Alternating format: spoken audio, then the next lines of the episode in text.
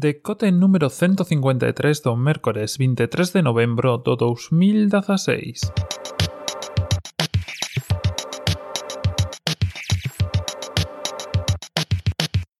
Bos días e benvidos un día máis ao este novo decote. Nesta ocasión imos falar un pouco dunha película que aínda que xa está en proceso de sair dos cines, de sair da carteleira, eu aínda tiven ocasión de vela este fin de semana y creo que se presta bastante a falar un pouco dela.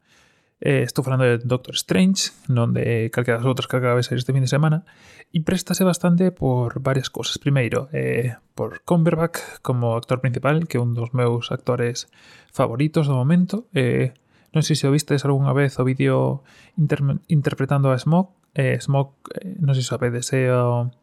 o dragón de O Hobbit. Foi unha interpretación bastante curiosa con, con seguimento de movimentos da cara e, bueno, é bastante curioso. E, ademais deso, pois, ten outros outros actores menos coñecidos ou menos coñecidos para mí, vamos a dicilo porque isto todo vai en función eh, como Chiwetel Ejiofor Rachel McAdams que fai de, de parella amiga do Doctor Strange Matt, Matt Mikkelsen Tilda Swinton, Benjamin Brad Eh, bueno, creo que esos son prácticamente os, os principais. A historia do Doctor Strange é eh, curiosa e eh, é digna de traer por aquí. Bueno, trouxemos por aquí un pouco de todo, xa sabes que fixemos por aquí recopilatorio de todo o tema de Marvel e de como estaban as fases previstas. Esta vai ser a, a única que saia este ano, a única non, a última que saia este ano. E, bueno, presenta cousas bastantes, bastante interesantes. Supoño que a maioría de vos si tiña intención de ver xa a View, si non vai deixar para que saia en versión, bueno, televisión, DVD ou o que toque, ou nos nas eh, respectivas, bueno, plataformas de vídeo baixo demanda. Así que non me vou meter moito no spoiler, pero eh, así, a grandes rasgos, eh, a película está ben, é unha película sólida, quizá ten un problema e é non é un problema tanto, pero sigue vindo de Marvel, é dicir, isto vai englobado dentro de Avengers e do resto de cousas que está facendo a franquicia. E o certo é que o Doctor Strange é un superhéroe pois un pouco máis complexo ou de entender ou máis complexo de levar que son o resto. Quero decir, eh, todo mundo pode entender cal é o superpoder entre comillas de Iron Man ou incluso de Thor ou de Hulk ou da maioría de superhéroes, mentras que Doctor Strange é un poder como tan, vamos a decirlo tamén entre comillas, superior, que, que costa entendelo. Por eso a película eh, pasa moita parte do tempo, e cando digo moita parte do tempo, poden ser dous tercios do tempo, xa non só explicando as orixes de, de, de Doctor Strange, sino tamén exactamente en que consisten os poderes, eh, as implicacións que teñen, porque, bueno, como sabedes, eu supoño que isto xa non é facer moito spoiler, Doctor Strange non é unha persoa que teña poderes per sí, sino que eh, aprende a utilizar poderes que son, podemos decir, magia, e que lle axudan a comprender pois que o universo está composto de, de infinitos universos, que se pode viaxar ou que se poden entender entre eles, e unha serie, unha serie de, de habilidades que eh, son moito máis complexas de entender ou moito, moito menos simples de entender que no caso do, do resto de superhéroes. Por eso, como os digo, quizás si a a película ten un problema ou ten unha parte que, que frouxea máis que o resto é esa parte. Son dous tercios de película que pasa explicando un pouco as habilidades, eh, de onde veñen, como se adquiriron, eh, todo o que supón. Claro, porque digamos que é unha base nova e, e allea a todo o que estuvo pasando cos Vengadores. E non só que sexa nova e allea, porque tamén hai outros hai outros superhéroes como, como Black Panther que chegan aos Vengadores e non teñen que decir, chegan sin ter claro toda a historia de atrás ou como é Ant-Man, que ten unha película propia, pero é moito máis eh, sinxelo de entender, é un tono moito máis familiar, quero dicir, non fai falla facer grandes cálculos matemáticos sin pensar moito para entender que é simplemente unha persoa que disminúe pero mantén a forza. Sin embargo, con Doctor Strange, digamos que os seus poderes son algo que nunca queda de todo definido. Enténdese que hai poderes máis complexos, hai poderes máis sinxelos, pero non se acaba de entender ata que punto, ainda que na película quedan definidos tres ou catro tipos de poderes que, que se poden facer ata onde pode chegar esta maxia. E eu, se non me equivoco, e segundo teño leído, que me corrixa xente que saiba máis, é un dos, dos superiores máis poderosos, aínda que, evidentemente, pois eh, tamén máis complexos. Isto, digamos que é unha das partes, eu diría que a parte principal. E entonces a película, eh, falando a grosso modo distribuindo, pois hai como dous tercios, tres cuartos da película que é unha parte de explicar en que son os poderes e un pouco de, de que vai a cousa e outro cuarto que é simplemente pois, un pouco nudo e desenlace.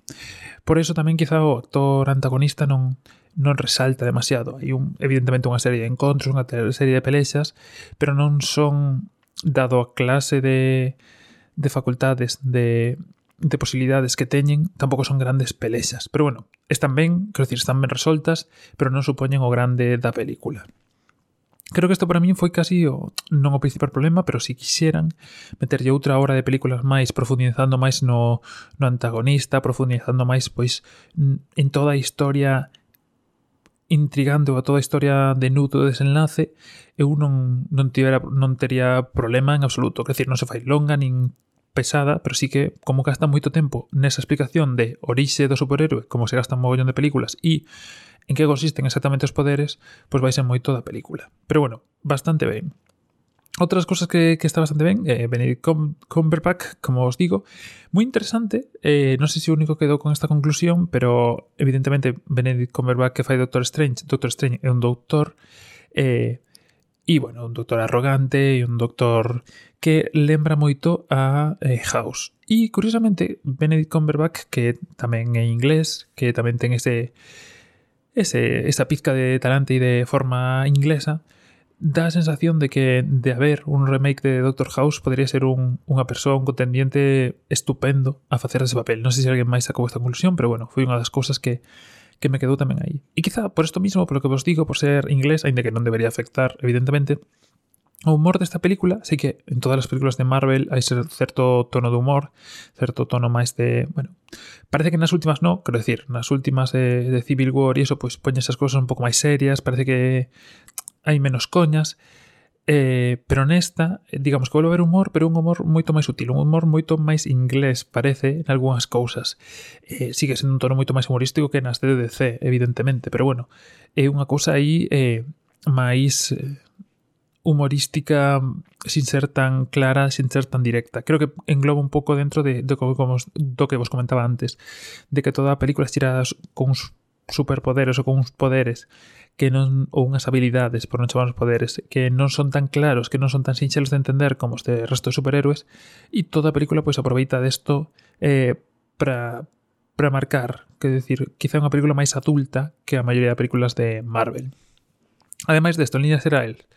eh, as escenas e a imaxe e a fotografía da película é moi boa, sobre todo porque hai varias localizacións bastante icónicas, en el sentido, pues, que si no me equivoco, está, está Nueva York, está, está luego Everest, Nepal, si no me equivoco,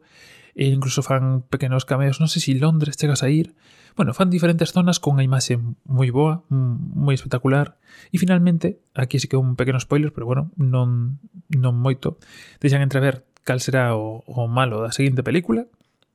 xa non sei se será malo solo para, para porque aquí xa non me perdo, si solo para Doctor Strange ou para máis e tamén un pouco cal será a implicación de Doctor Strange co resto de Avengers. Hai un pequeno cameo ao final e deixan ver un pouco como, como irá a cosa. Verdad que moitas ganas de velo, ten pequenos toques, como os digo, de fantasía, ten algún toque que recorda moito a Harry Potter, ten toques que, que lembran a, a Orixe, bueno, eso xa vistedes un pouco por